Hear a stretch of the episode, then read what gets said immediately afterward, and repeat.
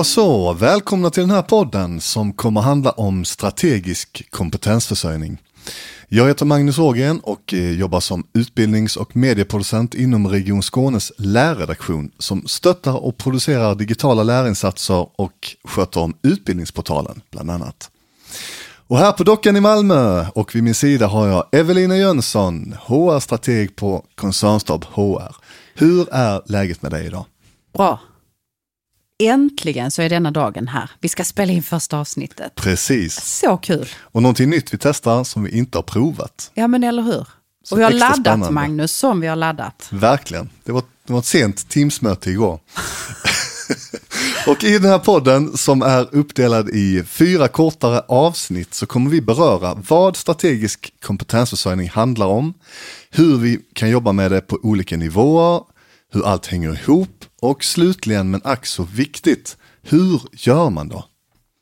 Och det här kommer vi ju tillsammans med några gäster i de andra programmen utifrån verksamheterna att vägleda dig igenom. Okej Evelina, i detta första avsnitt så kommer vi ju att ge er en inledning till området.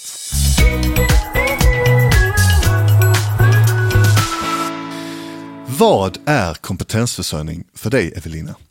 Kompetensförsörjning för mig är det arbete vi gör för att se till så att vi har den kompetens vi behöver så att vi kan utföra våra uppgifter och våra uppdrag. Med andra ord, kompetensförsörjningsarbetet innefattar allt vi gör i relation till våra medarbetare. Som att vi rekryterar, skapar förutsättningarna för medarbetarna att utvecklas, arbeta med arbetsmiljön. Ja, exakt. Och när vi står inför ett avslut med en medarbetare så gör vi det på ett bra sätt, oavsett anledning. Alla de här sakerna gör vi ju för att säkerställa att vi har den kompetens vi behöver. Men detta arbetar väl alla chefer med närmast varje dag utan att de kanske tänker på det. Absolut, utan att säga jag jobbar med kompetensförsörjning. Ja, självklart. Men vad är då skillnaden på kompetensförsörjning och strategisk kompetensförsörjning egentligen? Ja, men egentligen så är det ju samma sak. Eh, men när man arbetar med strategisk kompetensförsörjning så arbetar man med ett mycket längre tidsperspektiv. Vi försöker Eh, helt enkelt utifrån det vi vet idag blicka in i framtiden och göra saker för att påverka utvecklingen och tillgången till kompetens längre fram i tiden så att den ska stämma överens med våra behov. Vi försöker ligga steget före. Eh, och då måste vi kanske göra lite andra saker, som till exempel att eh, hålla dialog med lärosäten om vilka behov vi har, eller prata med unga så att de i framtiden vill arbeta i vården. Mm, det är superviktigt. Men du, innan vi går vidare, det pratas ju mycket om kompetens. Vad menar vi i, i det här sammanhanget, i denna podden, när vi pratar om kompetens? Mm, då, och då blir vi lite teoretiska. Alltså. Eh, när vi pratar kompetens så menar vi en persons förmåga och vilja att utföra en uppgift genom att använda sina kunskaper och färdigheter.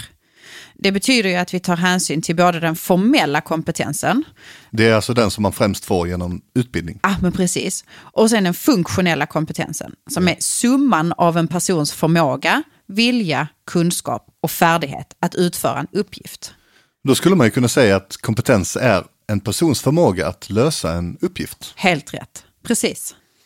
Men om vi då pratar om att utveckla kompetensen i vår organisation, löser vi inte det genom att vi skickar medarbetare på utbildning och vidare?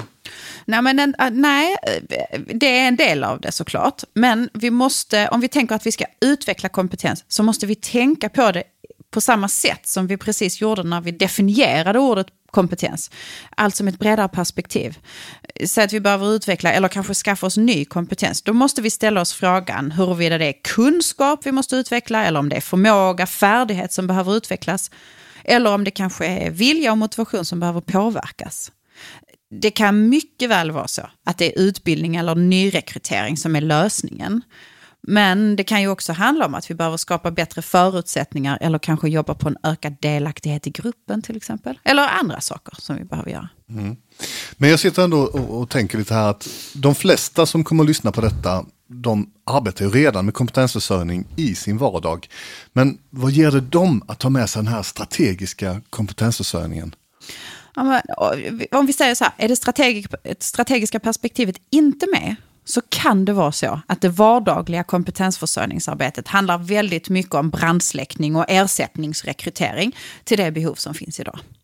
En ond cirkel, man kommer inte ur det heller riktigt. arbetar vi istället strategiskt så kan vi liksom fokusera på vilken förändrad kompetens som behövs imorgon.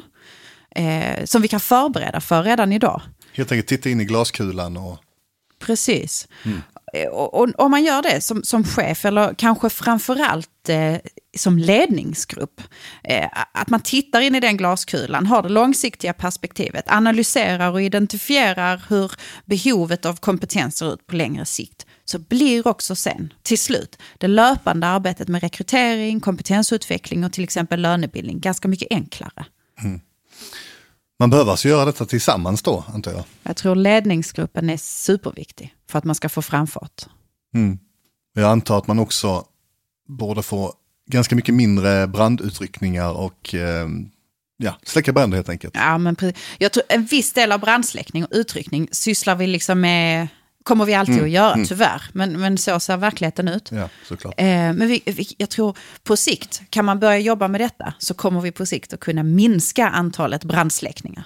Eh, och istället liksom försöka agera proaktivt. Vi förbereder eh, verksamheten och medarbetarna på den förändring som kanske ska ske.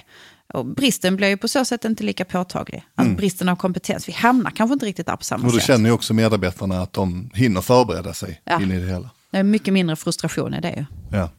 Men är det särskilt viktigt för oss i Region Skåne att vi arbetar med strategisk kompetensförsörjning om man jämför med privata verksamheter som har ett vinstintresse etc. Jag skulle säga både och där. Ehm, alla organisationer måste jobba med strategisk kompetensförsörjning. Eh, det, det, är ingen organisation eller företag som blir särskilt lyckosamt ifall man inte har rätt kompetens med sig. Mm. Ehm, men samtidigt så vi är ju en offentlig aktör som mm. erbjuder samhällstjänster. En skillnad. Men där är en skillnad. Vi har lite större ansvar för att verkligen se till så att vi klarar vårt uppdrag. Vi måste ju det. Mm. Så ur det perspektivet så ja, det är särskilt viktigt. Men alla måste jobba med det. Annars mm. överlever man nog inte som organisation eller företag idag. Mm. Vi vet ju också att eh, demografin förändras, att eh, de äldre blir fler och fler. Det ökar ju kraftigt om man jämför med, med människor som jobbar. Men och det måste väl påverka både privat och offentlig sektor? Ja men precis, vi har liksom färre som kan arbeta och genomföra de där samhällstjänsterna som vi erbjuder samtidigt som de äldre och yngre är ju de som behöver oss mest. Mm. Eh, så visst gör det det. Dessutom så vet vi ju att eh, vården blir mer och mer avancerad och vi behöver liksom kunna hantera invånarnas krav också på mm. våra tjänster. Eh, och vi, vi arbetar med en rad saker för att möta framtiden för att klara av den såklart. Mm. Tänker du på framtidens hälsosystem då? Ja, men bland annat. Framtidens hälsosystem som ju innefattar liksom nära vård, digitalisering, infrastruktur och så vidare. Om vi ska vara framgångsrika i de förändringarna och nå de målbilder som finns där, så måste vi ju arbeta kloss i kloss med strategisk kompetensförsörjning. Alltså så, så, att vi säkerställer att vi har den kompetens som behövs för att vi ska klara de uppdragen och nå målen. Mm. Men kan vi dra nytta av att vi är den här stora organisationen? på något ja, sätt? absolut. Eh, om man tänker i, i den här organisationen, vi är så stora. Det som händer i den ena delen av organisationen påverkar ju ofta saker som händer i en annan del av organisationen. Mm. Eh, och det kan vi ju ta fördel av. Eh, så vår storlek, absolut, vi kan hämta kraft av varandra. Mm.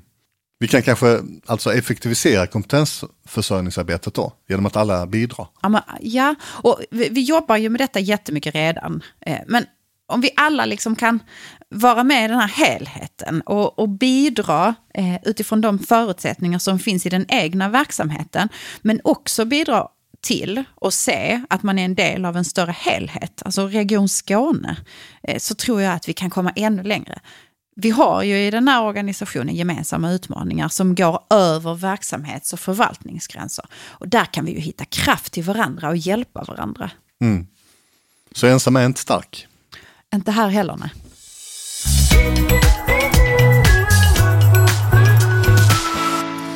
Då ska vi ju bjuda in eh, Lars Almroth från Framtidskontoret och eh, vi kommer ringa upp honom för att ställa en liten fråga.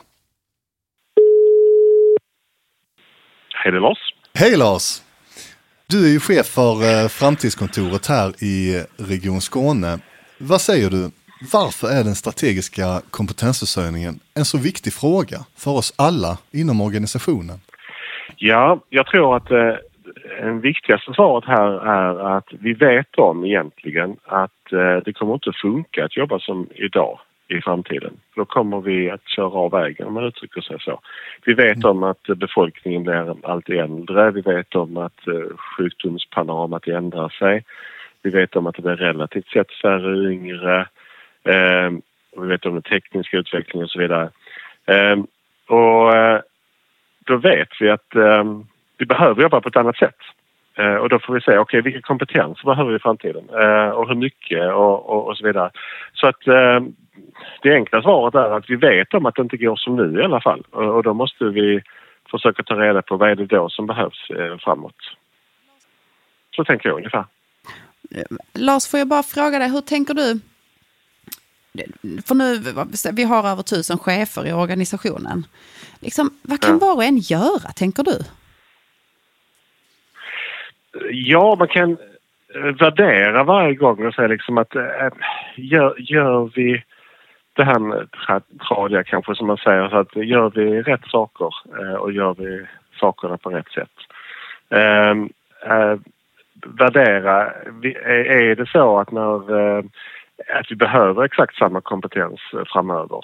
Använder vi den kompetens som vi har på rätt sätt och är det mer av samma vi behöver eller behöver vi något annorlunda? Att man ställer sig de här frågorna både på kort sikt och lite längre sikt också. Mm. Eh, så att det finns en, en, en, plan för, för det långa perspektivet.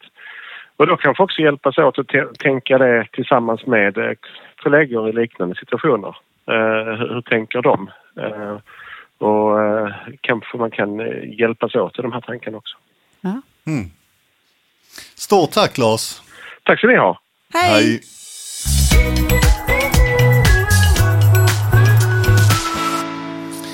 Nu är det dags för dig som lyssnar att fundera en liten stund.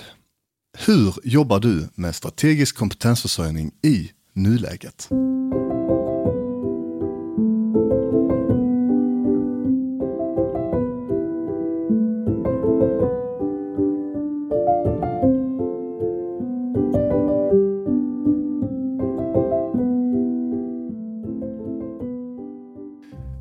Då tänkte jag fråga dig, Evelina, vad kommer hända i nästa avsnitt? Ja, i nästa avsnitt så ska vi prata om just det här. Eh, vad är strategisk kompetensförsörjning på olika nivåer i organisationen? Och för att prata om det så kommer vi att ha gäster Kerstin Nisula på avdelningen för bild och funktion. Spännande. Eh, på SUS i Lund kommer och Magnus Windblixt på regionfastigheter. De ska få berätta om hur de ser på detta och hur de arbetar idag.